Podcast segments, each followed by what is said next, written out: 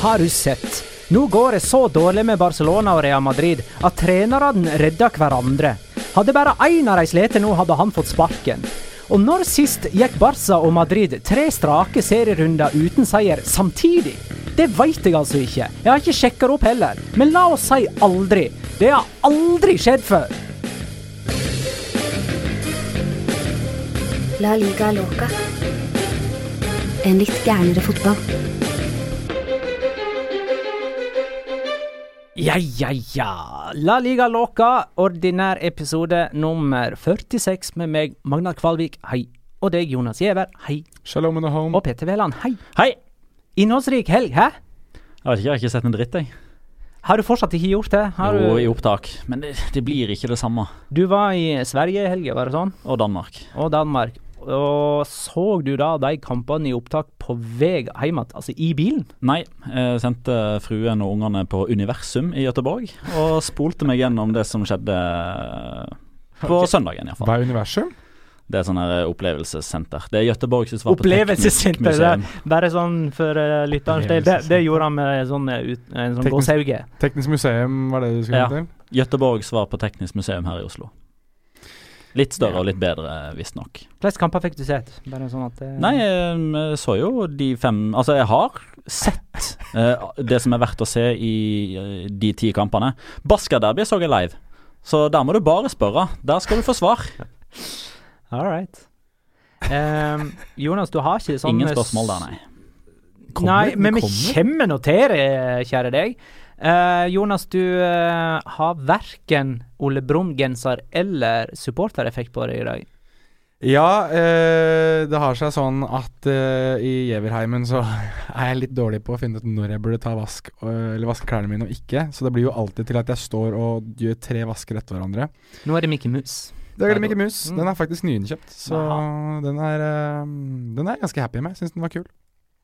Så Disney, da. Det kan vi jo si. Innholdsrik helg har det vært i La Liga. Nå er det jevnt i toppen. Det er to poeng mellom topp seks. Eh, på søndag hadde tre ulike lag tabelltoppen på ulike tidspunkt. Real Madrid røk på enda et tap og har spilt fire strake kamper nå uten mål. Eh, og så en annen ting eh, Nå ramser jeg opp ting vi skal snakke om. Eh, serielederen har bare tatt to poeng per kamp. Altså 16 poeng på åtte kamper. Siden trepoengssystemet ble innført i 95, så har ingen serieleder hatt så få som 16 poeng etter åtte runder. Jeg syns det er gøy. Og så uh, er det jo eh, det store spørsmålet Nei, jeg vet ikke om det er det store spørsmålet, men uh, det er mange som har påpeka, og jeg syns det er litt interessant, at kanskje Valverde hadde fått sparken nå om ikke Real Madrid hadde vært så dårlige, og kanskje Lopetegi hadde fått sparken nå om ikke Barcelona hadde vært så dårlige. Jeg tror vi begynner med Alaves Real Madrid 1-0. Mm. Det var lørdagskveld. Første gang siden 1985 at Real Madrid går fire offisielle kamper uten mål. Og i 85 så gikk det fem. Og det er verst i historien. Og da fikk treneren fyken etter nummer fire, hvis jeg ikke husker helt feil. Så det er jo folk som begynner å snakke om at dette, dette går åt skogen, og så begynner man å eh, forsøke å finne årsakene til at det går som det går. Og de fleste peker jo på enten Cristiano Ronaldo eller Zinedine Zidane. Noen peker på, på begge to. Og Hvordan peker de på deg? at det er årsaken til at det går så dårlig. At de ikke lenger er der. Altså Det er ikke Zidane som trener Real Madrid, og det er ikke Cristiano Ronaldo som skal skåre målene for Real Madrid lenger. Det er jo ikke tilfeldig, eh, hvis man ser litt sånn eh, Hvis man ser litt stort på det, da. La oss si om en, om en tre-fire år, for da får man det litt mer på avstand, den Cristiano Ronaldo-epoken i Real Madrid. Så ser man poengfangsten, eh, hvor mange mål de skåra i de, løpet av de ni årene han var der. Og så tenker man tilbake på sesongstarten. Hvis man da ser en graf, da. Det det, vært, det var, hadde vært som et krakk på børsen, sånn rent grafisk, denne høsten her. Lopetegi skylder på skader og uflaks. Ja. Det er vel det man skylder på når man ikke har en god forklaring. Jeg syns Real Madrid virker litt som han, der, han karen som har vært i et forhold med ei jente i veldig veldig lang tid, og så slår han opp, og så de første to-tre ukene så tenker han 'Å, frihet, deilig'. Og så går de tre ukene, og så savner du hun egentlig litt, for det var så fint de kveldene du var med henne. Er dette bruddet med Ronaldo, det? Er Ja, ja, ja. Den, den Ja. Ronaldo er jo da denne kvinnen som eh, Endelig kvitt Ronaldo, og så Ja. 'Å nei, vi savner Ronaldo'. Ja. Etter de første tre-fire ukene hvor du tenker at livet er herlig, og så er, du ikke, så er du ikke konge på byen som du tror du skal være eller likevel. Mm. Ja, jeg snakker om litt egne erfaringer her innimellom. Ja, det var det jeg skulle spørre om. Ja. Men, eh, men eh, Ja, så jeg kan relatere til, til det her. Men jeg synes jeg ser det samme med, med Real Madrid. At det er litt den derre Den honeymoon-perioden uten Cristiano Ronaldo virker å være litt over nå.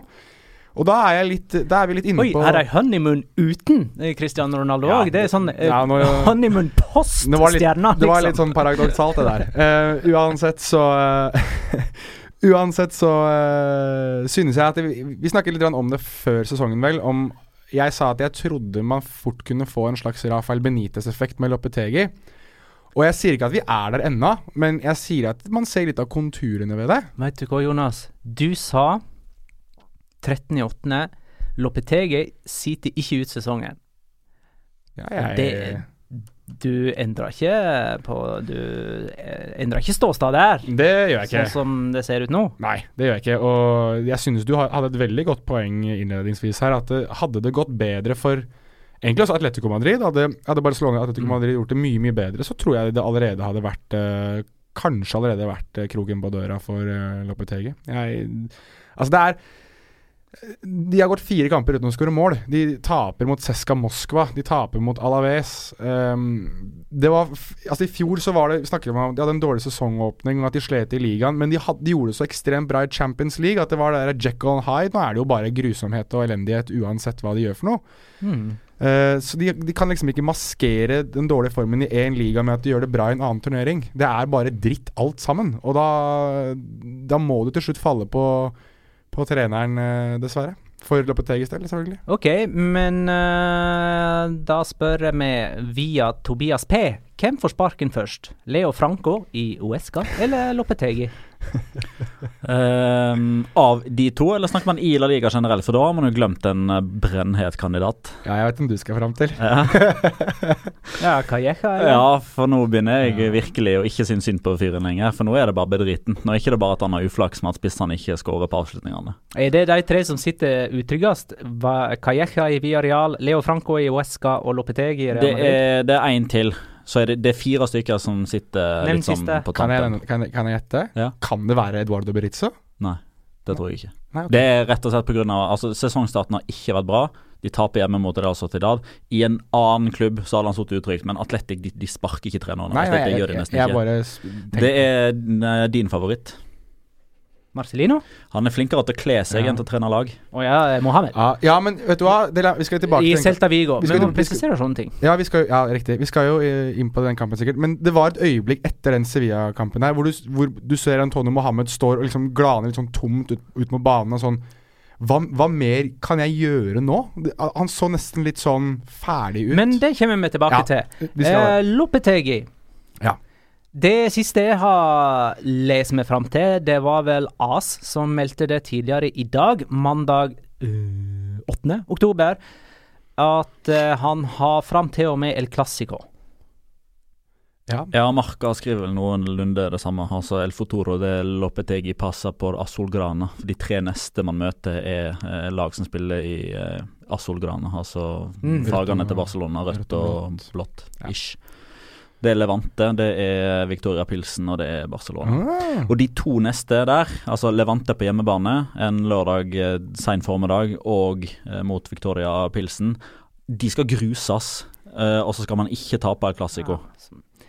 Ja, og El Clásico er altså 28. oktober, så eh, han har i praksis ut måneden da, Hvor til er- å hvor er den? overbevise. Det er kamp nå. Ja. Uh, Shayan Jalilyan, som uh, har mange synspunkt, ofte til oss her i eh, La Liga Loca. I dag er det som følger. Lopetegi kan ikke klandres for alt dette. Jeg mener prestasjonene er et resultat av naiviteten til Florentino Perez.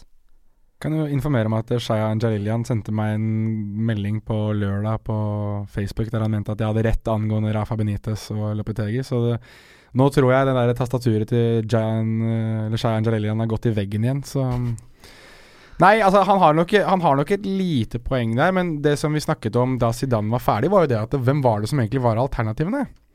Uh, og Lopetegi var vel kanskje det beste alternativet som var tilgjengelig i, i sommer, da Zidane gikk helt uventet. Vi må jo huske at Real Madrid var i en ekstremt presset situasjon hvor de på en måte Det- måtte gjøre noe. Det Var i alle fall uventa for oss, men eh, han kan jo ha hatt en dialog med Perez i, underveis. Men eh, en ting Ja. jeg syns er interessant her, er jo at Zinedine Zidane meldte i den pressekonferansen at det må skje endringer i Real Madrid eh, for å ta klubben videre, og de endringene er ikke jeg i stand til å, å ta. Eh, ta meg av. Det sa han. Eh, og eh, de siste årene så har Real Madrid gitt fra seg Pepe, James Rodriguez, Morata og nå i sommer Kovacic, uten å egentlig erstatte noen av dem. Og nå er Marcelo ute med skade, Isco og Carvajal er skada. Og du mangler en til som har forsvunnet òg, da. Og- Hvem var jeg glemte? Ja, Cristiano Ronaldo, selvfølgelig. Han har vi nevnt nok. Ja. Eh, men han hører med. Mm. Eh, så hvordan er det med planleggingen da til eh, um, Florentino Perez? Alt dette tatt i betraktning. Altså, eh, jeg syns Peres har gjort egentlig ganske mye riktig, jeg. jeg Han har, synes- han har ikke prakket på noen noe som helst, syns jeg. Nei. Det er første gangen hvor Perez på en måte har Både med Zidane, da, fordi det var suksessoppskriften med Zidane. Men det er liksom Han har bare sagt Det du vil ha, det hjelper vi deg med. Resten ordner du selv. Det sa han på en måte til Zidane etter Angelotti, fordi det var alt dette greiene med alle spillerne som ble prakket på Angelotti. Zidane fikk bestemme selv, og så virker det nesten som han har gjort litt det samme med Lopetegi også. Du henter de du vil, du gjør litt sånn som du ønsker, og så sitter vi tilbake og så ser vi dette her uh, utfolde seg til det Real Madrid-laget vi har sett de siste tre sesongene. Men denne gangen her tror jeg at det har, uh, har slått litt imot. Jeg tror at Zidane, igjen da med den der autoriteten og den, der, den evnen da, til kanskje fremheve enkeltspillere i et system, eh, gjorde at han kunne kalle det glatte over der det var mye eh, sprekker i det Real Madrid-laget, mens Lopetegi sliter litt med det, i hvert fall nå utover, da. Eh, så jeg tror Perez har gjort, gjort egentlig det en trener vil at, den, at han skal gjøre, men jeg tror kanskje det har, gått litt imot det som er prinsippen i Real Madrid eh, denne sesongen her. Altså, 2. september eh, så skrev eh, José Felix Diaz, en mann som både meg og deg har snakka varmt om tidligere, ikke nødvendigvis fordi Ja. vi er alltid enige, eller enige i meningene hans, eh, for de er jo subjektive, men han er veldig eh, Han er en anerkjent journalist som er veldig ofte tidlig ute med nyheter. Trydde. Han skrev en kronikk i Marka 2.9 om at nå spiller Real Madrid mer som et lag. Eh, den har jo backfira ganske tungt, fordi allerede der så hogde jo han på mange måter i stein at Real Madrid gjorde riktig ved å la Cristiano Ronaldo gå. Eh, nå har det skjedd, eller kom fram igjen noen utenomsportslige ting der som, eh, som gjør at man spekulerer i at Real Madrid rett og slett lot Cristiano Ronaldo gå, for de så hva som var i vente. Det ville ikke de ha noe med å gjøre. Men det, store problemet her nå, eh, det er jo at den spilleren som kom inn, ikke som en direkteerstatter for Cristiano Ronaldo, men den offensive spilleren som kom inn, Mariano Diaz, han får jo ikke spille. Nærmest uansett hvor dårlig stilt det står til. Uh, og, og da er det liksom sånn OK, var det Perez som bestemte seg for å gi et uh, håper jeg, å gi uh, langfingeren til Sevilla, og bare kuppa den overgangen som de hadde tenkt å, å ha i stand der? Var det Lopetegi som ba om eh, Mariano? Eh, fordi Lopetegi har jo åpenbart ikke tillit til han. Det Virker som desperasjon, da. Nå sånn i, Sett i etterkant nå, så syns jeg nesten virkelig desperat. Mm. Vi skal inn på Barcelona etterpå også, men sånn å bli prakket på Kanskje det er den, en, kanskje det er den eneste spilleren som Per etter slutt bare en, en, til slutt sa at må, nå må vi gjøre noe her. Vi, en, vi står uten syver, vi står uten en, en eh, angriper, en stjernespiss, en gallionsfigur for laget vårt. Ja, han som har gjort det greit i Lyon, han som har vært her før, kan være noe vi kan bygge rundt. Ung spansk landslagsspiller, eller kan i hvert fall bli spansk landslagsspiller. Mm, eh, mm, ja, vi prøver Mariano, så ser vi. Og så har kanskje ikke Lopetegi vært like enig i akkurat det, da, eh, med tanke på at han ikke spiller. Jeg tror at den personen som smiler bredest akkurat i dag, er, eh, er Florentino Perez, når Eden Hazard igjen har gått ut og sagt at han vil spille for Real Madrid, og det er drømmen hans. Tipper at uh, nå dere uh, alarmklokkene går nok for alvor inne på ho- hovedkontorene på Santiago Bernabeu etter de kommentarene der. Så hvis Loppetegi får sparken etter 28. august, har Leo Franco allerede gått da, eller? For å svare på Etter 28. oktober. 28. oktober, mener jeg. Kan ikke vi legge hodet på blokka og gå for én hver, da? eh, Som vi tror at går? For jeg tror det er eh, Calleja som er førstemann til å gå i Villarreal. Mhm. -hmm. Ja, altså det, Ja. det sies jo at han får hjemmekampen mot uh, Atletico Madrid. Ja, ikke sant. Ja, som, som hans siste sjanse-type. Mm. Mm. Og Leo Franco har en siste mulighet hjemme mot Español, visstnok. Så det får jeg får si Leo Franco er, da. Ja, da sier jeg jo Leo Franco, ass. Ja, men da er vi, det er helt greit. Ja. Um, det var en ting ja, Jeg ville bare påpeke at sist Real Madrid tapte fire av sine første elleve offisielle kamper i en sesong, det var i 2005-2006. Og halvveis ut i den sesongen så trakk Florentino Perez seg som president. Så ille var det. Vant ikke de ligaen det året? 5-6? 2005-2006. Nei, da, var Nei, jo, da vant Barcelona. Vant eh, Ja. Men, men det var faktisk Ja, eh, vi kan komme inn på en eh, liten sånn Mm. fun fact når vi snakker om Barcelona etterpå. Apropos 05-06-sesongen. Men altså, hei, Alaves, da, som har 14 poeng og eh, er to poeng bak serietopp, og eh, Manu Garcia som skåra på overtid, og eh, altså Det er jo rimelig imponerende, det de driver med. Eh, det slo meg akkurat nå. Nei, jeg gjorde ikke det, altså, men eh, jeg følte for å nevne det. De, eh, det var jo de som hadde disse sjansene til å gå eh, havna på topp av La Liga etter Mm. både midtvekerunde og forrige helgs eh, runde uten å gripe han, og så kom Real Madrid på besøk, og da gikk det greit. Men jeg syns akkurat den overtidsskåringa der er eh, Altså, den er så treffende for begge lag, egentlig. Mm. Eh, fordi Altså Hvis man Mm. før sesongen, eller la oss si slutten av forrige sesong, eller egentlig når som helst annet enn høsten 2018 eh, Hei, Alaves Real Madrid ble avgjort fem minutter på overtid. Gjett hvem? Altså 700 av 699 hadde jo svart Real Madrid, eller de hadde satt pengene sine på Real Madrid hvis oddsen hadde vært lik. Men nå har ikke Real Madrid skåra på overtid én en eneste gang denne sesongen. Det er fem poeng nå som Alaves har eh, sikra seg. De har vunnet på overtid to ganger og kommet tilbake og fått uavgjort på overtid. Eh, og eh, det Abelardo har gjort med Alaves det siste året. For han kom jo inn eh, Det var vel i slutten av november, tror jeg det var. Da hadde de tapt 11 av 13. De lå dønn sist etter at både Sobeldia og eh, din eh, favoritt eh, Du snakker aldri dritt om John DiBiase i det rommet her igjen. Nei, det gjør du. Du, Nei, er- du tar over. Det er min jobb, det. Etter det så er det kun Real Madrid, Barcelona, Atletico Madrid og Sevilla som har tatt flere poeng enn Alaves. Og det er i løpet av en 35 kamper lang periode. Jeg mener, husker at Vi var ekstremt negative til Abelardo. At vi tenkte at her blir det sånn kjedelig lukke igjen bakover. Og, men det virker som han har, har En ting jeg syns har vært imponerende med, med Alaves, er at de, de virker veldig bevisste på hva de er gode på, hva de er dårlige på. Og de fremhever det gode, kompakte forsvarsspillet og suser framover. Prøve å få eh, individene til å fungere optimalt. Altså, som, I fjor så var det Pedraza som gjorde veldig veldig mye. I, I år så har Ibai Gomez tatt over mye mye mer for Alaves. Jeg synes de har klart å erstatte seg litt internt, da, mer enn mer enn noe annet. At, eh, vi snakket jo om at så fort Monir var borte, så nå går de rett ned. Eh, de har klart å erstatte det også. De klarer å finne veier hele tiden til å eh, ikke bli noe dårligere. Da. Og, og det, må, det må de nesten få litt kred for. Fordi eh, vi var veldig klare begge fall Jeg var veldig klar på at eh, jeg tror at det, dette kan bli en veldig veldig vanskelig sesong uten Monir.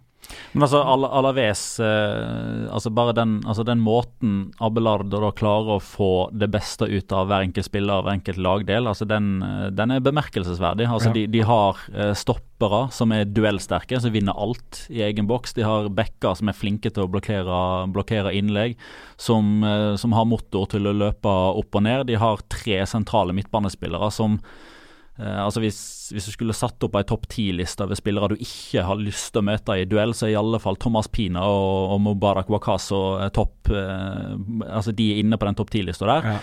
Og så har de Kaleri, som går i strupen på Ramos umiddelbart og får han ut av fatning med to-tre dueller i løpet av de første 15-20 minuttene. Setter seg i respekt, og så har du kontringsspillere som Ibay Gomez og Johnny Rodriguez og Borgi. Det altså, det er fascinerende å se hvordan de har eh, klart å uh, få mest mulig ut av det laget. Valencia, Barcelona 1-1. Jeg eh, har en innrømmelse å eh, komme med. Altså, når sist Barcelona og Real Madrid gikk tre strake serierunder uten seier samtidig um, Jeg skrev introen først, og sjekka etterpå. eh, og så gadd jeg ikke å skrive om eh, introen. Men eh, jeg veit i alle fall at det skjedde i 2008-2009-sesongen. Da var det faktisk fire serierunder på rad med parallelle poeng must på de to. Kan jeg komme med et men? Uh, hvis jeg kan få fullføre Mm. Ja, eh, med et men sjøl. I den femte siste serierunden der så vant eh, Barcelona i Clásico på Santiago Bernabeu 6-2, og da var ligaen langt på vei avgjort, og dermed så gadd verken Barcelona eller Real Madrid å spille La Liga-fotball de gjenstående fire rundene, så de tapte så det sang mot nedrykkskandidater. Mm, skal du si noe? Ja, det var det jeg det, mener. det var det du hadde å si. Så, så det betyr at vi må tilbake igjen til 2002-2003-sesongen for å finne forrige gang de to store gikk tre seriekamper bra uten å vinne. Begge to parallelt, ja. uten at tittelen var avgjort. Hvem var trenerne da? Louis van Hall må ha vært Barcelona-trener. 2002-2003. Det høres ut som uh, Rotto il Pacto del Vestuario. Nunca positivo, sempre Jeg tror det var Louis van Hall, altså. Jeg tuller ikke. Når Kan ha vært Svandale Luxemburgo. Eller Ah, Vicente Del Bosque. 02-03. Nei, Del Bosque var vel eh, Nei, mista han jobben etter 2002, da de vant Champions League mot Leverkosen i den finalen her? Da Zidane hadde det der eh, wow-målet i Glasgow. Anyways, jeg syns Del Bosque var ferdig i 2003. Så da var det Vicente Del Bosque. Ja, da var det han. Louis van Hall var i fikk jeg ikke sånt, 2002. Så det var han. Men Valencia-Barcelona 1-1 der, altså. Én seier på åtte kamper for eh, Valencia. Barcelona med fire strake seriekamper uten uh, seier. Det går bare oppover for Valencia nå. Vet du. Nå ligger de på en 13.-plass. Sky's the limit. Ja, 14. på min tabell, men eh, det er vel avhengig av hvem som, hvordan man rangerer etter målforskjell eller alfabet eller Ja, jeg De er dønn likt Ja, de er helt likt med med Getafe. Chetaffe. Det er delt 13.-plass. de, de er bak Retafe Chetaffe pga. alfabetet. Ja. Nei, men det er koselig, det. Men Ezekiel Garay må jo være kong Midas, vel? Sånn som han har han har spilt to kamper etter å ha kommet tilbake. I Manchester United syns jeg Gabriel Paulista var god. Jeg syns Gabriel Paulista var god med Barcelona også. Skal vi si det sånn at begge disse lagene hadde en eh, brukbar Champions League-kamp i veka som gikk, men eh, ja, så er det kanskje mest eh, Valencia som kan være fornøyde med, med Steia-oppgjøret. Jeg vil, si, jeg vil si at de er fornøyd med begge to, jeg. Altså For Valencias del, sånn sett under ett, hvis du skal bare isolere den, den uh, uka med fotball, ikke tenke på hva de har gjort for den tidligere, så er det en god uke for Valencia. 0-0 på Old Trafford og 1-1 hjemme på Mastaya mot Barcelona. Ja, da ligger lista lågt òg, da. Synes du det? Syns det egentlig det, for Valencia sin del. Altså Med tanke på situasjonen nå, da. Med altså én seier fra før. Ja, ja, altså, det, må- det, det, ja, ja. de må snart begynne å vinne. Jeg sa isolert sett, sa jeg. Ja, det hvis gjorde du. Hvis du, Det ser, gjorde du. hvis du ser alt sammen, da er jeg enig i at det er skuffende. Men isolert den uka der, glem resten, Ja. så er det en god Valencia-uke. Må ta det positive som er nå, Magnar. Det er ikke så mye. Ja, ja, for meg er det Michael Robinson, som er sidekommentator på uh, Movistar Pluss, han, eh, han oppsummerte kampen med at det var to enormt slitne lag, som man så eh, veldig, veldig veldig tydelig utover andre omgang. Var ikke sprut i noe som helst. Og Valencia til slutt kla- klamra seg mer eller mindre til poenget med å stenge rom og sørge for at de vant de duellene de måtte, mens Barcelona rett og slett ikke orka. Og når Messi da ikke klarte, så ble det 1-1. Eh, Frode Fotballfrosk har tvitra til meg og er inne på det samme. Det liker navnet, sant? Ja, ja, Det ja. er ganske kult, det navnet der. Eh, det han sliter mest med å forstå, er hvorfor Valverde nekter å gjøre bytte. Han starta altså med ti av de elleve spillerne som starta mot Tottenham. Eh, og merk da at det er Fermalen for Longley som er den ene endringen. Og så ser laget sliten ut i hele andre omgang mot eh, Valencia, og likevel så går det 84 minutter før han gjør det første byttet, og han bruker aldri det tredje. Og det er jo ikke slik at han mangler kvalitet på benken heller. Sa han ikke etter kampen at han så ingen måte han kunne gjøre laget sitt noe bedre på? Var det det? Var vel det han sa.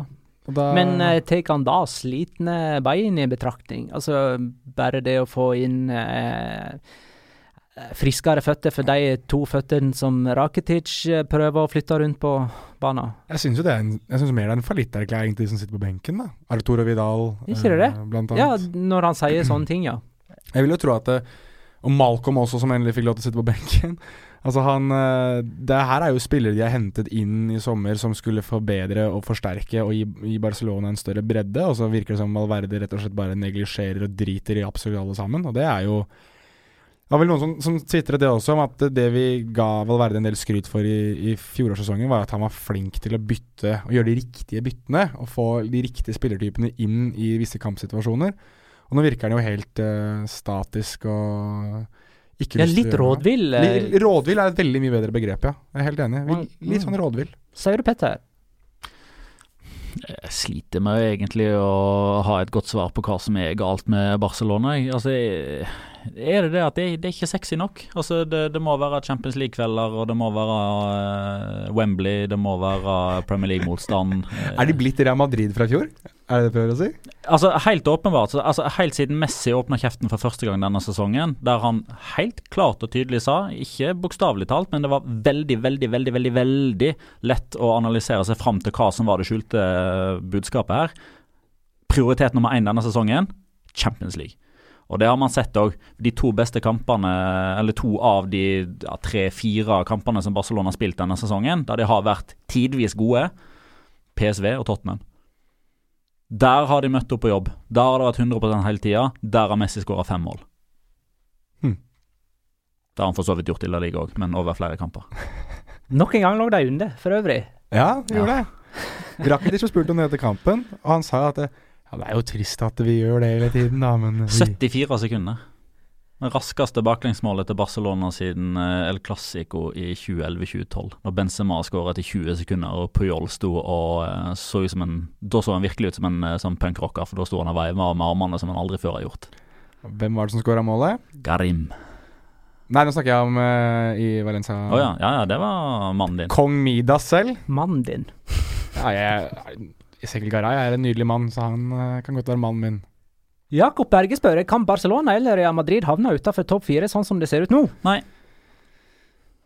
Altså, det er unntakstilstand når vi sitter og snakker om det nå, og de er topp fire begge to. Ja, og hvis det går skikkelig dårlig, så sparker de treneren og Så blir det litt eh, bedre. Så blir det litt bedre. Det er sånn som eh, Det er sånn Via areal kan òg hindre å, være i nedrykksstriden. Men Fortsetter de sånn som nå, så er de der. Det er litt gøy å sitte og se på. Jeg titter på tabellen nå, og det er Ja, ja. fra Sevilla på, på toppen, uh, så er det seks poeng ned til Eibar på tolvteplass. Og det er to poeng mellom første og sjetteplassen. Ja, altså det er uh, Det er ni poeng ned til nedrykk. Ja, stemmer. Altså, det er ikke, det er ikke, det er ikke helt hinsides at det altså- kan skje noe litt spennende i år. Da. At én av de kanskje forsvinner ut. Det Men, er ikke helt men, hinsides. men, for, men for, å ta litt for å ta litt kamptall, da. Eh, altså Hvis man sorterer etter ballinnehav, Barcelona 1, Real Madrid 3. Hvis man sorterer etter avslutninger, Barcelona 1, Barcelona 1 Real Madrid 2. Hvis man sorterer etter avslutninger på mål, Barcelona 1, Real Madrid 3. Hvis man sorterer etter cornerer, Barcelona 2, Real Madrid 5. Hvis man sorterer etter pasningsprosent, Real Madrid 1, Barcelona 2. Altså, det, dette virker jo som noe som er forbigående. Eh, Det er ikke sånn at de Så ikke annen, det du prøvde å si nå, kortfatta, er at all annen statistikk enn skåringa er positiv. Nettopp. Mm. Effektivitet. Og at de ikke setter sjansene sine. Altså Messi blir for alene eh, med å ha skåringsansvar, og Real Madrid har ennå ikke helt klart å, å erstatte Cristiano Ronaldo målmessig. Dette her kommer jo til å gå seg til, tenker jeg sånn rent logisk. Bare sånn på et spørsmål, eller et svar på spørsmålet til Jakob Berge om Real Madrid eller Barcelona kommer til å havne utenfor topp fire. Nei, det gjør de ikke. Kan jeg komme med en uh, veldig kjapp digresjon? Sånn, jeg, jeg lurer litt på om om Barcelona Nei, om eh, Jo, om Barcelona titter litt over på Real Madrid akkurat nå, og ser det livet etter Cristiano Ronaldo som de nå lever, og tenker at eh, hvor lenge har vi igjen med Lionel Messi, og hva, hvordan skal vi reagere på det? For at Real Madrid har sett litt Altså, de har sett slitsomme, eller slitne ut, og målfattige ut uten Ronaldo, åpenbart. Eh, og jeg synes at Barcelona i veldig stor grad har sett veldig, veldig uh, avhengig ut av Lionel Messi. Så jeg lurer litt på om de uh, Om de, om de titter litt over på erkerivalen nå, og lurer litt på om de kanskje burde planlegge litt for framtida. For Neymar er borte, og det var jo, det var jo på en måte deres forsikring. Bale ut med skade igjen, for øvrig. Det Nei! vi liksom å snakke om. Ja, det, det der er altså Er, er det noe vi gir han opp? Nei Nei, men Det er ikke, Eller, sånn, jo, det er men, ikke sånn eh, at han er ute for resten av karrieren, det vet jeg. Men er det sånn nå at eh, vi kan bare gi opp en skadefri oh, ja, eh, ja, ja, ja, Gareth. Bale? Det liksom. har, har ikke Du du har gitt opp det ennå. det- er Nei, jeg har gitt opp lenge siden. jeg, jeg har hatt håp om, på hans sine vegne, at han skal klare en hel sesong i Real Madrid uten å ryke eh, på flere sånne De glasskader. Kan vi nå jeg vil bare ta Oi, Jeg sa de har jo Mariano hvis Bale blir skadet uansett. syns det var marihuana. Nei, det Kanskje De har Bale jo skulle marihuana. prøvd det litt. Adjø. Arsen vil at vi skal nevne avtakeren til Xavi, om enn kanskje ikke bruker så store ord. Arthur hadde 142 pasningsforsøk, i alle fall, mot Valencia. Valencia. Eh, det kom jeg fram til, eh, la oss si en plass. Det var det meste én spiller har hatt i en og samme kamp siden Xavi mot Levante i 2012. Ja, men han har den rollen. Vi har snakka litt om Arthur tidligere. Han er ser veldig... litt La Masia ut, han altså. Ja, at han ser veldig spennende ut, fordi han har det i seg med at han klarer å dytte ballen litt høyre-venstre, diktere tempo litt, bestemme når de skal ta overgangen, når de skal uh, sitte stille og rolig i båten. Og han var jo strålende mot Tottenham på onsdag.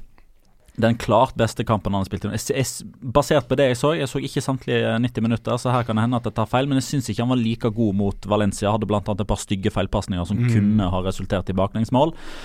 Men han kommer, han kommer, han kommer dit. Han, han ser veldig spennende ut.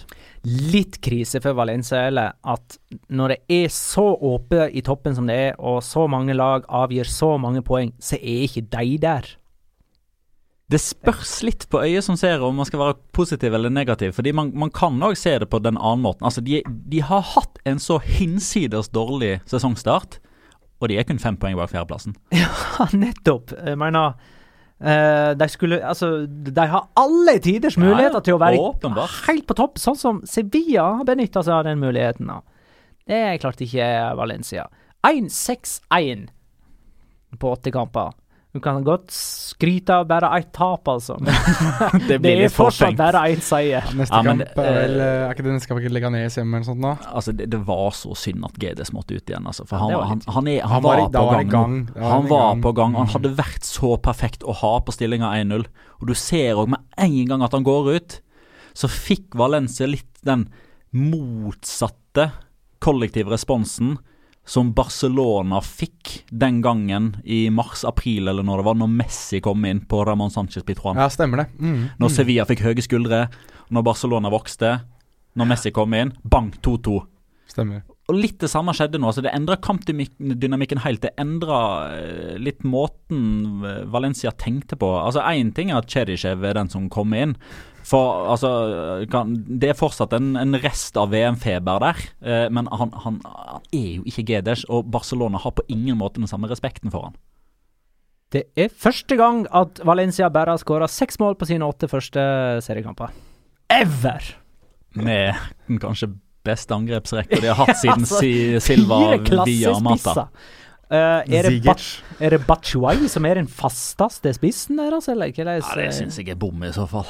Det ser i alle fall sånn ut. Han er den som spiller veka ut og veka. Men uh, sånn er det bare. Sånn er det bare. Um, Atletico Real Betis mm, 1-0. Og det som er litt uh, interessant med å, uh, å gå på den kampen der nå, det er at Real Betis hadde ballen mye mer enn Atletico Madrid, men tapte. Eh, Barcelona hadde ballen mye mer enn Valencia, klarte bare uavgjort. Real Madrid hadde ballen mye mer enn Alaves, men tapte. Så var det jo en som stilte oss et spørsmål her. Skal jeg prøve å finne det, eller? Jobber jo, jeg. Jeg jobber jo nå. Eh, Jeg husker spørsmålet, så jeg kan stille det mens du finner ut hvem Jo, som skal ha Tommy kreditt. Velde er det. Hvorfor skårer de tre lagene med mest ballinnehav så lite mål? Barcelona har nå sju mål på siste fem ligakamper. Real Betis har fem mål på siste fem. Real Madrid har to på siste fem. Stemmer det? Det skal stemme, det? Ja, det stemmer det. For de hadde to mål eh, i kampen før de begynte å gå målløse Ja. av banen. Så jeg kunne tatt null på fire, da. Har Hadde det hørtes verre ut. Har Ja, det hadde hørt verre- hørtes verre ut. Uh, har det med spillestil og motspill eller individuell dyktighet hos angripere å gjøre? Nei, det er vel eh, Det er vanskelig å ha et ordentlig svar på det, men jeg synes jo det virker til at man, man tenker litt på den, den filosofien om at det handler ikke om, om kvantiteten på ballinnehav, men kvaliteten på ballinnehav. At du når du først har ballen, så, lar du, så gjør du noe ordentlig med den, istedenfor å stå og spille på tvers og spille på tvers og spille på tvers. Det var vel Jeg husker ikke hvem det var, jeg, i, uh, i uh, El Chiringuito, altså dette spanske cowboyprogrammet, som sto og hylte hvordan han, han viste hvordan han hadde sett på Real Madrid sin kamp. Kanskje Petter vet den det er, men han sto i hvert fall og hylte Tida! Tida! Hele, skyt, skyt! hele tiden. Det må være enten Alfredo Doro eller Juanma Rodriguez. Tror du kanskje det var Juanma Rodriguez, jeg. Ja. Eh, som Litt sånn liten, trist fyr uten hår. Helt riktig. Ja. Eh, og han hadde stått og hylt og skreket om at det var, det var sånn han hadde sett på fotballkampen. Og da synes jeg det, det oppsummerer litt grann inn, innimellom. Så trenger ikke fotball å være så ekstremt gjennomtenkt. Litt typisk òg da at uh, Atletico Madrid skåra med et skudd fra 20, drøyt 20 meter. Nettopp. Nettopp. Og skyter de litt oftere fra distanse nå? Atletico? Ja, jeg Ja, syns Jeg de har det. bare det inntrykket. Griezmann eh, løsner ofte. Altså Kalinic eh, traff stanga. Lemar hadde den mot Retafe. Angel Correa skårer eh, hyppig til han å være uh, utenfor 16. Thomas Partey klinker til i ny og ne. Men mitt uh, vage svar på spørsmålet er at uh, det har blitt så uh, typ inn å bruke statistikk og analyse i fotballen nå, at jeg tror det I hvert fall nå, sånn som ståa er nå, så er det de, kall det, defensive lagene det gagner mest. Fordi før, altså spesielt med med Real Albetis, da, de har jo hatt en eh, enorm endring i måten kampbildet deres ser ut. Altså, man hadde jo altså Sid Lowe, som vi alle kjenner veldig godt til, hadde jo dette uttrykket 'always watch Betis play'. Og på samme måte 'always watch Las Palmas play'. Eh, Fellesnevneren her er og var Kikiset igjen. Det var utrolig morsomt å se fotballkampene, fordi det bølga fram og tilbake med at de tok enorm risiko når de spilte seg ut bakfra. Det var nesten ikke midtbane. Det har jo endra seg helt nå, fordi han, han har liksom forstått eh, og han har lest bøker. og han, han sier at han har blitt veldig inspirert av Pep Guardiola de siste, de siste året, halvannet nå, med at eh, hvis man har ballen sjøl, så kan ikke motstanderen skåre mål. Men de blir òg litt for enkle å lese av og til. og Det gjelder både Barcelona, Real Madrid og Real Betis. For der er det veldig ofte sånn. Du, du ser det nesten umiddelbart. Med en gang kampen blåses i gang, så ser man at motstanderlaget inntar en defensiv posisjon der man skal mure igjen.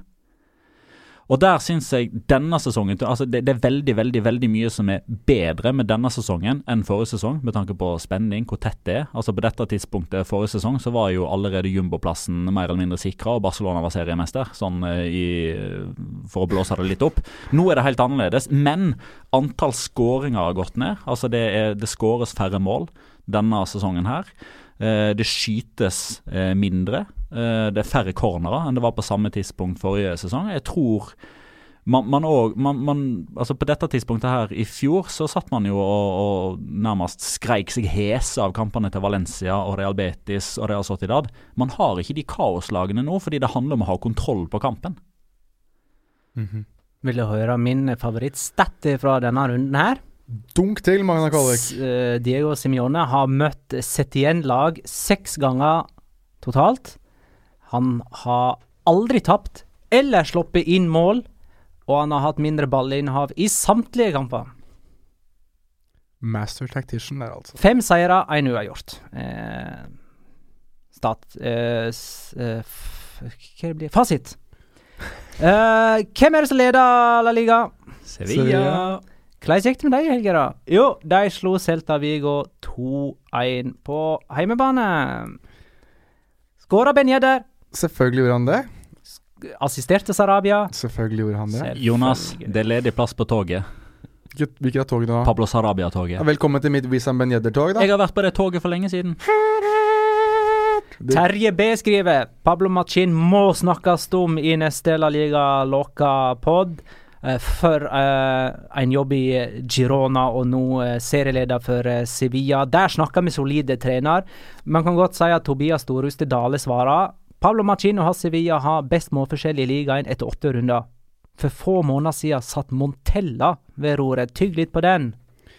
Og for enda færre måneder siden satt Kapparos ved roret. Tygg enda litt mer på den. Vi har jo eh, snakket litt om, uh, om Pablo Machin. Syns vi har gjort det ganske mye Ja, eh, det er det. gjennom uh, poden her. Men vi kan godt snakke mer om han. Han Skal jeg bare poengtere at uh, Sevilla toppa La Liga etter åtte runder for første gang siden 1945. Da vant de uh, ligaen, og vi vant krigen, og alt var bare fryd og gammen. Men så kan vi jo nevne da at det, det som er en, altså Tilbake til Machin. Eh, altså Han har jo fortsatt denne varianten sin av 3-5-2. Eh, altså Skal man være veldig svart-hvit, så spilles vi av 3-5-2. De har tre stoppere, de har fem midtbanespillere, de har to spisser. I begynnelsen da spilte de mer 3-4-2-1. Da gikk Sarabia og Franco Vasques De gikk litt i veien for hverandre. Altså De hadde jo tre kamper på rad der de ikke skåra mål. Mm. Altså De spilte 0-0 mot ja. Villarreal. De tapte 1-0 mot Betis, og de tapte 0-2 mot Retafe. Mm. Så etter fire serierunder så var de allerede åtte poeng bak Barcelona. Men så skjedde jo det som eh, Og der skal vi banke oss litt på brystet, Jonas. Dette, dette satt vi og etterlyste. Spill med to spisser. Mm. La Benjedda starte. La André Silva fortsette å flyte på den formen han har nå. De to har til sammen skåret tolv mål. Og Sarabia har ett poeng. Eh, Ett målpoeng i snitt per spilte kamp nå i Europa League og La Liga Er denne det sesongen. 15 eller noe sånt, er det ikke det? Han har ni mål og seks uh, assist. Ja. Jeg tror det er, bare, det er bare Messi som har mer av sånn totalt. Det ikke noe målpoeng. Nei, blir ikke tatt ut. Nei, men jeg spør. Mener vi at han burde vært i den spanske landslagstroppen da? Han er jo bare 26 år, så da, ja. Hvorfor ikke? Han kan bidra der i mange mange år framover. Men, men igjen, eh, han har blitt en veldig rollespiller. Han passer veldig veldig bra inn som en litt sånn fri variant som har to spisser å servere og to wingbacker. Han, han har liksom alltid et alternativ å spille på, fordi han beveger seg så bra. Men den Ja. posisjonen han spiller, fins ikke på det spanske landslaget. Ja, jeg, jeg spør jo, nå spør jeg egentlig litt fordi jeg tenkte over Har det noen gang vært en sånn type som Sarabia som har vært tatt ut på landslag? Tenkte jeg, Vitolo var jo er ikke, ja, Vitolo er kant. det er ja, ikke Sarabia. Ja, jo, ja. Men nå ja, har jo ja, Soso vært veldig sterk i eh, Italia. og- Tre målgivende, da. i hvert fall Ja, Milan og nå. fått øh, plass i landslagstroppen. Mm. Så det er jo konkurranse der, da. Ja, ja, definitivt. Og, men som Petter påpeker her nå, jeg mener de, den statistikken der lyver jo ikke, da. Det er jo en Nei, den han er statistikk. ganske rå, den der, altså. Akkurat den Det har pågått over ti år. Ja, ja, det, sånn var det jo forrige sesong òg, spesielt på vårparten der. Jeg Det var det. Så, så det var vel uh, La Liga Indirekte på Twitter som skrev det at det er bare fire spillere nå som, som begge har altså 16 mål eller mer, og 17 målgivende eller mer. Det er Messi, Luis Suárez, Griezmann, Sarabia. Nei, Det er celebert selskap. definitivt. Jeg tenker jo at hvis Barcelona eller Real Madrid skal havne utafor topp fire, som Jakob Berge er inne på, da, så må det jo være Da må jo Sevilla holde det gående. Mm. Eh, Atletico Madrid må gjøre det, og så må det være et tredje lag som skal inn der. Ja. Og hvem skulle det være, liksom? Vi kunne ha sagt Valencia, Det skulle ha om vært det Valencia. ikke var naturlig å utelukke Valencia. Alaves, da. Alaves, Español, Ja, det er de som er der nå, liksom. ja nei jeg, Formlaget i La Liga nå, sånn ved siden av serieleder Av Sevilla, er jo Valladolid. jeg skulle til å si det. De har jo blitt helt fenomenale. Ja. Noen som tok den? Uh, ja. Jo, el fenomeno. Som er Eh, Ronaldo. Ronaldo. Som er Men uh, vi er ikke kommet dit ennå, Jonas. Nei, nei, greit, jeg var fornøyd med at de Eh, Form og fasong, Jonas. Form og fasong. Ja, ja, Vi har ikke snakka om Basker Derby. Det har vi. Fredag kveld, Atletic Real Sociedad 1-3. Oyarzabal med to straffemål. Sangalli skåra imellom der for eh, Real Sociedad. Monjain utligna til 1-1. Real Sociedad har tatt 11 poeng. Ti av dem på bortebane. Slå den, da. Adjø Arsen igjen. Har ikke jeg nevnt han tidligere? Det har du. Jo. Skriver Basket-derby innfridde endelig etter mange år med i gåsehauget normale oppgjør. Eh, og så påpeker han at La Real med en haug spillere ute vinner på bortebane. 50% av spillerne på banen fikk gult kort. 11 stykker. og han mener at Oyarzabal burde være i troppen til Spania mot eh, Wales og England, men det er han ikke. Nei, men det syns jeg ikke han fortjener heller. Han har vært Ikke på bakgrunn av to straffemål, i alle fall. Stinkedårlig. Mhm.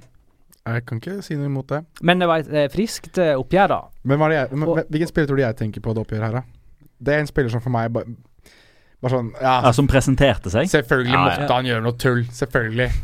Uh, Inigo Martinez. Selvfølgelig. Selvfølgelig. Du står og karatesparker uh, i, uh, inn i egen boks der. Altså Legg det ned. Det er så ferdig, altså. Det så, altså Dette var jo Inigo Martinez derby. hell bensin på det, brenn det til grunnen. Inigo Martinez, det er så over, ass. Det er helt over. Er han ferdig? Ja, Det er ikke langt ifra, sånn som han holder på nå. Jeg, jeg klarer det ikke mer. Du vet at han hadde blitt tatt ut uh, på landslaget hadde det ikke vært for at han var småskada i forkant. Altså, han, han hadde jo han hadde vært i troppen, han. Hvis han ikke må, måtte ha gått ut på Ja. skadekampen i forveien. Men Jordi Alba er heller ikke i den spanske landslagstroppen, så altså, brenn det ned òg. Altså, brenn ned alt. Alt skal brennes nå. nå skal jeg bare Legg ned hele skiten. Nei, altså Men eh, var det Håsu Fransen, eller, som påpeka Og jeg husker ikke helt fakta her. Var det ni spillere, egenproduserte spillere i eh, Real Sociedad-elveren? Ja, det var det. Mm. Og eh, fra start for Atletic så var det vel eh, i hermetegn da bare sju. Og i hvert fall tre av de, lurer på om ikke fire, har vært innom Real Sociedad tidligere. Dani Garcia har vært i eh, Real Sociedad. Juri- Berchiche. Ja. Inigo Martinez. Og så lurer jeg på om det var en til òg. Eh, veldig, veldig tidlig. Fortsett å snakke om noe annet. Ja, nei, jeg kan jo si at dette kanskje var det mest underholdende oppgjøret i denne runden. ja. Sammen med Har du lyst til å tippe? Du går gjennom eh, resultatene nå. Det er litt urettferdig. Nei, Girona Eibar. Girona Eibar. Okay, Det var jo kjempeoppgjør. Fair enough. Det var 2-3. Ja.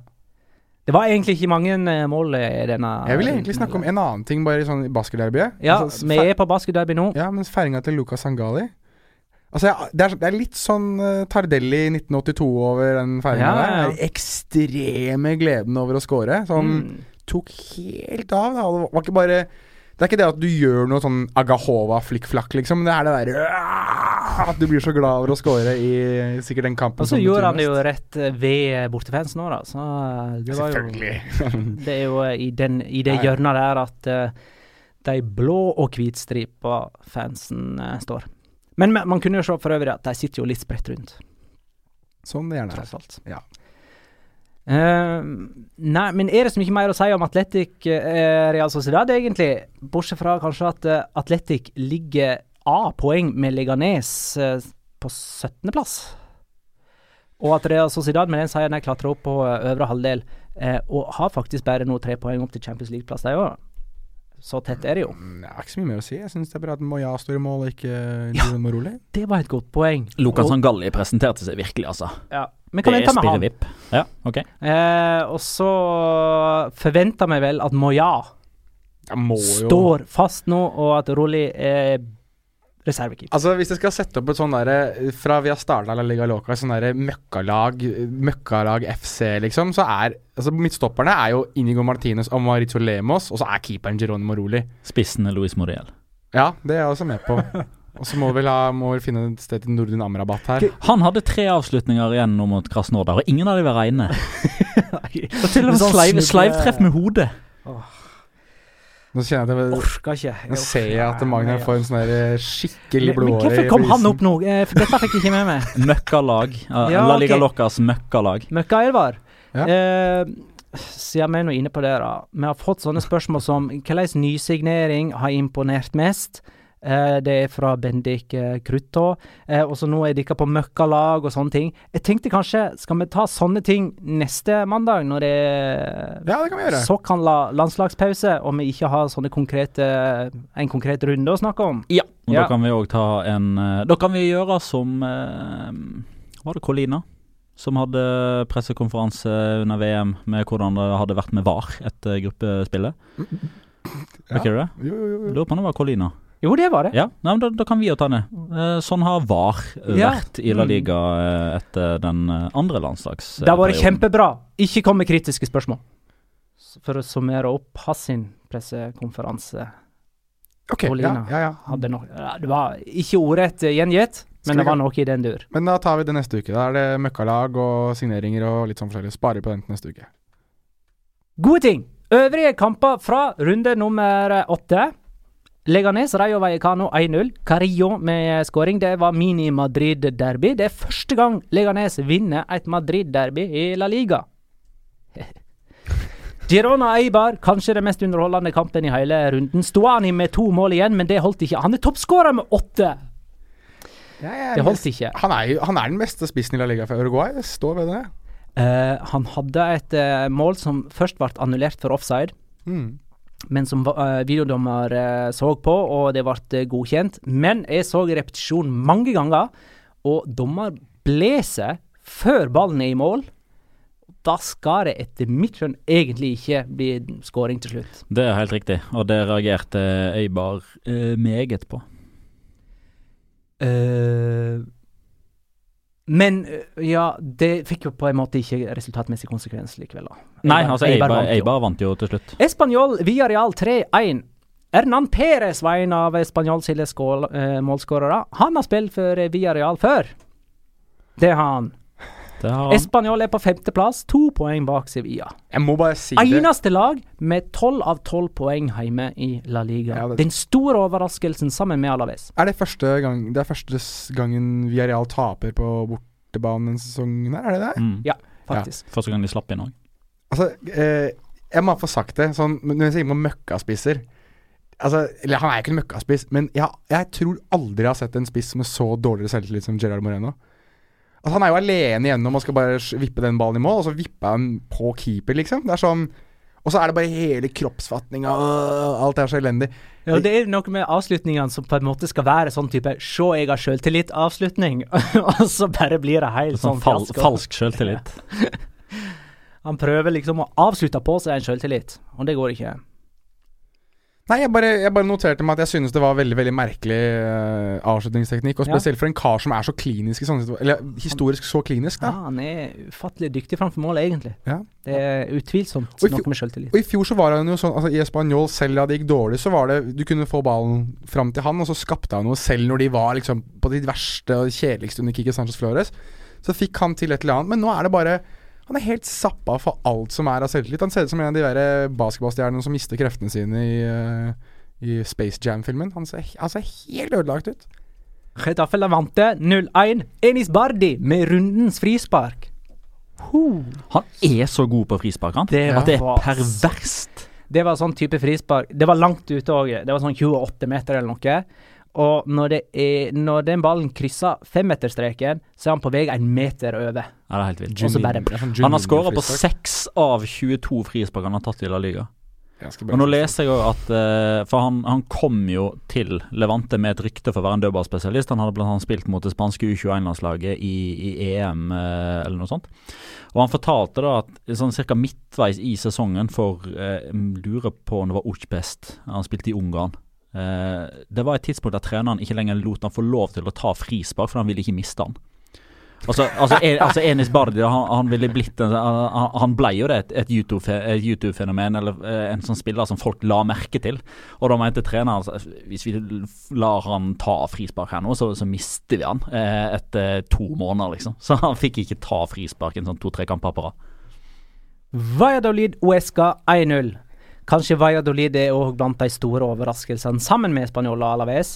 Ruben Alcaraz med et pent frispark, om enn ikke like pent som eh, Enis Bardi, men pent var det. Valladolid oppe på sjuendeplass med tolv poeng. Resultatet etter at Ronaldo, El Fenomeno, tok over, er helt strålende. Nå har de tre seire på rad. Kristoffer Riis eh, Lunde skriver på tide at dere tar Pokela på alvor, altså Valladolid. Pose, sel, Posela. Posela, sorry. Uh, det er ikke en nedrykkskandidat. At vi, at vi i Liga Loca altså ikke i forrige episode nevnte cornervarianten mot Levante. Den husker jeg ikke. Jo, jo, altså Druseren til Nacho. Ja, Ja. Jeg, jeg, jeg eh, glemte, jeg glemte å nevne den, eh, eller den uh, skåringen, men uh, har fått da en på uh, pakning her fra Kristoffer Riis Lunde om at Uh, eh, ah, Jeg så han igjen! Sånn var det. Jeg så skåringen igjen nå nylig. Uh, og det er altså en corner ute i returrommet, skutt på heilvolley, ned i hjørnet. Sånn er det. Genialt. Og da, da har Kristoffer Riis Lunde fått sitt. Den situasjonen er nevnt. Og så slo de jo eska. Og så slo slår de jo eska nå. Ja. Eh, er det noen som har rundens spiller? Du har Det har jeg. Hvor lenge kan man være et ungt, lovende talent? Det er tilsynelatende en aktuell problemstilling om dagen. Er det noen som har en formening om det? Sånn alder når du kutter av? Tenker du på, eller? Hvor lenge kan man være et ungt, lovende talent? Drit i det. Jeg eh, fortsetter. Baskaren Marco Sangalli var ung og lovende lenge. Han signerte for Real Sociedad sitt akademi som niåring, og drømte om å slå igjennom for storklubben i sin fødeby. Men slik har det ikke gått. Han debuterte for A-laget som 21-åring, som jo er ungt og lovende nok, men det ble med 103 minutter i La Liga over to år. Nå spiller han på Alcorcon, han er 26 år og kan ikke kalles ung og lovende lenger. Veslebror hans, Lucas Sangalli, har sett opp til storebror og fulgt i hans fotspor, men med håp om at historien deres skiller seg på A-lagsstatistikken. For en måned siden uttalte han til Marka at han ønsket en aldri så liten revansj på vegne av broren som aldri fikk det til i Real Sociedad. Luca skulle sørge for å etablere det min i det minste ett stykk Sangalli på toppnivå i San Sebastian. Hans debut òg, da. Men han måtte vente, en, vente enda lenger enn Marco på La Liga-debuten sin. 23 år var han da han endelig fikk prøvd seg i en La Liga-kamp. Og 23 år, det er han fremdeles. Han debuterte 31. august i år. Og på fredag starta han sin tredje seriekamp i Basker Derby mot erkerival Atletic Klubb. Og noe av det første han gjorde, var å bli sparka i hodet av tidligere Lareal-spiller Inigo Martinez innafor Atletic sin 16-meter.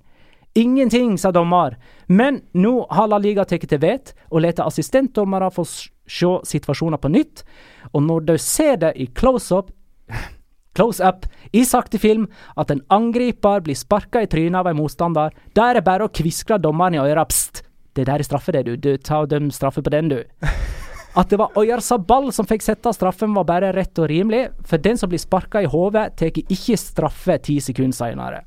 Men Lucas Angalli kom til hekten og var ikke mye svimmel i andre omgang, da han sjøl putta Real Sociedad sin andre for kvelden. Du skal ha breie skuldre for å ha plass til en så brei nakke under et så breit hode, og det har Lukas Sangalli, for ikke å snakke om en brystkasse som en tyr. Han kunne springe bort til det hjørnet av mektige Samames der bortefansen heller til, og juble for sitt første La Liga-mål i sin første La Liga-sesong, i sitt første Basker-derby, i bare sin tredje kamp fra start. Banas beste var en rykende fersk 23-åring. Ungt og lovende, gutta. Veit ikke. Lukas Hangalli er denne ukas runden spiller, og så krysser jeg alltid ha av fingre for ikke å stå bak enda en jinx. Det å bli kåra til rundens spiller av meg, det bør man egentlig ha seg frabedt, bare spør Karim Benzema. Men nå har jeg nå likevel tatt sjansen. Meget, meget bra. Ja, han var Han var, han var eh, Han var litt overalt. Ja, altså, men han han er så energisk. Altså, Han ser ut som han skal sprekke hvert øyeblikk. Men jeg lurer på, er, men er han en sånn spiller som kommer til å være det, være det i alle kamper, eller er han bare det i de kampene der? Det Ja, Det vil jo tida vise. Nå har jo Magna jinxa han herfra til har jinxa han. Han er ferdig, han. Han spiller for Alcorcon, han, som er broren neste sesong. Det er tid uh, for uh, Locora. Ukens La Liga Locura. Locura. Locura. Locura. La Liga Locura. Noen som vil begynne? Petter? Magnar? Nei, egentlig ikke. Nei, men da får jeg begynne, igjen, da! Ja. Nei, jeg, jeg, jeg, ikke, jeg hadde egentlig igjen, sånn som siste uke, så har jeg egentlig en annen. Men siden vi ikke har nevnt ham, så eh, Jeg må nevne eh, min landsmann og den beste marokkaner som er i, eh, i La Liga om dagen. For Sofian Bofal, hvor dro du den ut fra? Altså, hente ball Ligge under 2-0, én mann mindre på banen. Tidligere så er det en tuniser, Wissam Ben som har eh, vist seg selv som kanskje en av de virkelig store på banen. Men så bestemmer jo da Sofian Bofal seg for at Vet du hva, det her er greiene med å tape og ikke gjøre noe moro, det driter jeg litt i. Hente ballen på midten, forsere forbi det som er av spillere, og så bare sånn, sånn deilig liten sånn kakk borti ballen fra hva sier vi, rundt 20. Synger forbi Vatslik eh, i mål. Og eh, leverer eh, Hvis Enis Bardi kanskje har rundens scoring, så er iallfall ikke Sofian Bofal veldig langt unna hva, hva angår eh, rundens enkeltmannsprestasjon. For gud hjelpe meg. Men de kommer ikke til å komme så ofte, tror jeg. Fordi Sofian Bofal eh, er en humørspiller og kommer til å gå sånn type fire kamper hvor han er helt bånn i bøtta, og så er han en hvor han ser ut som Lionel Messi møter Johan Cruyff, møter Pelé, møter Cristiano Ronaldo. Skåra det lekre målet med den største selvfølgelighet. Ja, det, var liksom sånn, det var som om det var ei treningsøkt. Mm. ah, deilig. Sofian Bofal, han må um, opp i ringa. Han spilte jo ikke VM. Han uh, hadde jo endt på dårlig Eh, det var vel, det var vel uh, Renard som sa at eh, han ikke trengte han under VM, men sannheten skal visstnok ha vært at de to har kranglet lite grann. Så da måtte Bofall se VM hjemmefra, og det var jo kanskje like greit for hans del, for det gikk jo ikke så bra. Ja, skal jeg eh, ta min, da? Um, det var jo for så vidt mye lokkora som skjedde denne helga. her. Alaves er jo egentlig sjølskreven i en sånn uh, sammenheng. Det faktum at det er bare to poeng mellom de seks øverste i toppen, er eh, en sånn faktor. Men uh, jeg velger likevel å være ja, litt mer detaljbeskuende. For vi snakka forrige uke om uh, midtstopperne til Barcelona, og hvordan de alltid feiler på et eller annet vis. Det er alltid en eller annen tabbe. Eh, og det snodige er at når de først er i det, i det leiet der, så er det ufattelig vanskelig å komme ut av det. Og det baklengsmålet de hadde nå, fikk nå mot eh, Valencia, er selvsagt sånn på en corner at Fermalen går opp for å heade, men kommer ikke over ballen og stusser han bare videre. Og da har allerede Piquet bøyd seg ned for å heade den ballen ut, men siden Fermalen er borti han, så feilberegner Piquet òg, sånn at han bare rygger ballen videre til Garay. Det er så typisk at det drittmålet de får imot seg, er det de to Barca-stopperne som på en måte er syndere for, selv om de egentlig Ja. De gjør egentlig ikke en tabbe, men det blir klønete og rart likevel. Vær så god, Peter. Kul beskrivelse. Eh, min uh, locora er egentlig ganske, mm, ganske kjedelig. Eh, det er egentlig bare en eh, betraktning av at ting Brass eh, innsalg. Ting er som det pleier i, i, La Liga. For etter åtte serierunder så er det jo Barcelona Sevilla eh, som leder La Liga. Eh, laget som har spilt flest minutter på rad uten å skåre mål, det er Real Madrid. Eh, på toppen av assistlista så finner man Lionel Messi og Tony Kr Johnny Rodriguez. Den spilleren som har skåret flest mål i La Liga, det er Lionel med Christian Stuani, ja. Eh, og lagene som ligger an til å representere La Liga i Europaligaen neste sesong, det er Valle Español. Og vi har Alaves. Poengavstanden mellom lag nummer 1 og 6 på tabellen, det er fjor. To poeng. Og keeperen som har sluppet inn færrest mål, det er Geronimo Jan Oblak. Ja, se der. Fortsatt er noe som det pleier. Ja, jeg, jeg var litt redd når vi begynte på Geronimo Roli, for det, det, er, det der er ikke engang Ikke engang i Geronimo Rolis drømmer er det der eh, sant, altså. Det går ikke an. Det går ikke an. Men jeg vil jo Altså, vær så snill, vi må bare få skutt inn, for dette er sånn som han eh, Jeg husker ikke hva han heter for noe, han som ville ha nevnt uh, Real Valladolid, eller Valladolid sin cornervariant. Ja. Pasninga til Franco Vasques på 2-0 Altså mm, Altså, åh, Juan Roman Riquelme-vibbene bare floder over. Altså Den der vippen over hele boksen inn til Sarabia, som bare legger den kaldt inn til Wissam Beneder. Det er et kunstmål, og det er um, jeg, Nei, jeg går ikke gjennom den episoden her uten å nevne den pasningen til Franco Vasques. Rund Rundspilling, den skåringa. Det er pissing. For øvrig i uh, tippingen, vi hadde jo Atletic mot Real Sociedad. Uh, der tippa jeg 1-1. Petter tippa 2-1 til Atletic. Jonas 2-0 til Atletic. Jeg hadde uh, William José som første målskårer. Dere hadde Inyaki Williams. Um, dette er null poeng på oss alle sammen. Ja. Det er digg, det. Så jeg og Petter har ett. Jonas har null. Vi kjører ikke tipping nå, da, så er det ikke eh, runde til helge. Vi får heller ta en ny tipping neste mandag igjen. Det er ikke Spania mot England? Skal vi tippe Spania mot England? Eh, Det kan godt hende vi er i studio før vi, kampen vi, vi kan eh, stippe Spania og Wales, da. Det var kjedelig. Ja. Da tipper vi ikke Spania og Wales. Vi har Nei, vi holder oss til La Liga. Men- men nå på slutten, kan, kan vi ikke Vi har ikke gått gjennom noe som helst det som egentlig skjedde i, i Champions League noe særlig, syns jeg. Altså Vi har jo så vidt nevnt bl.a. at hele verden plutselig har funnet ut at Lionel Messi er god til å spille fotball. Ja, men det finner er verden ut sånn Altså, en gang i året. Ja, men- hver gang han er i England og spiller. Ja, men vær så snill, Gud hjelpe meg. Kan Jeg blir så, jeg blir så irritert av det greia. Det er greit nok at ikke alle ser på La Liga hele tiden, det skjønner jeg. Det, altså, man har tradisjon, og man har visse ting man foretrekker å se, og i det landet her så foretrekker folk å se eng engelsk fotball. Det er greit nok. Men det derre «Å, Herregud, så cool Lionel Messi er! Altså, hvor, hvor ha, eh, Han har holdt på med det her nå i hvor mange år? Ti. Hvorfor er det sånn at en gang i året, hvert eneste år, så blir vi Blir folk helt sånn Oi, er han så god? Altså, Jeg, jeg syns han var veldig god mot Tottenham. Han var veldig, veldig god mot Tottenham Og det er nok en av hans beste prestasjoner den sesongen her. Og kanskje hvis du regner med sist sesong, så er det helt der oppe også. Men dette er ikke unikt. Altså, det er ikke sånn at det, du går en hel sesong og venter på at han har én sånn prestasjon. Dette her kommer til å skje flere ganger denne sesongen her. Det har Ja. skjedd flere ganger forrige sesong. Ja, Flere men, ganger sesongen før der igjen. Er han nominert til den Ballon d'Or-greia? Ja, det er han. Er han det? Ja, ja, han er blant en av de som er nominert. Og jeg mener, hvorfor Altså, er det en sånn Må det være en sånn folkeoppvåkning om at Lionel Messi er god til fotball?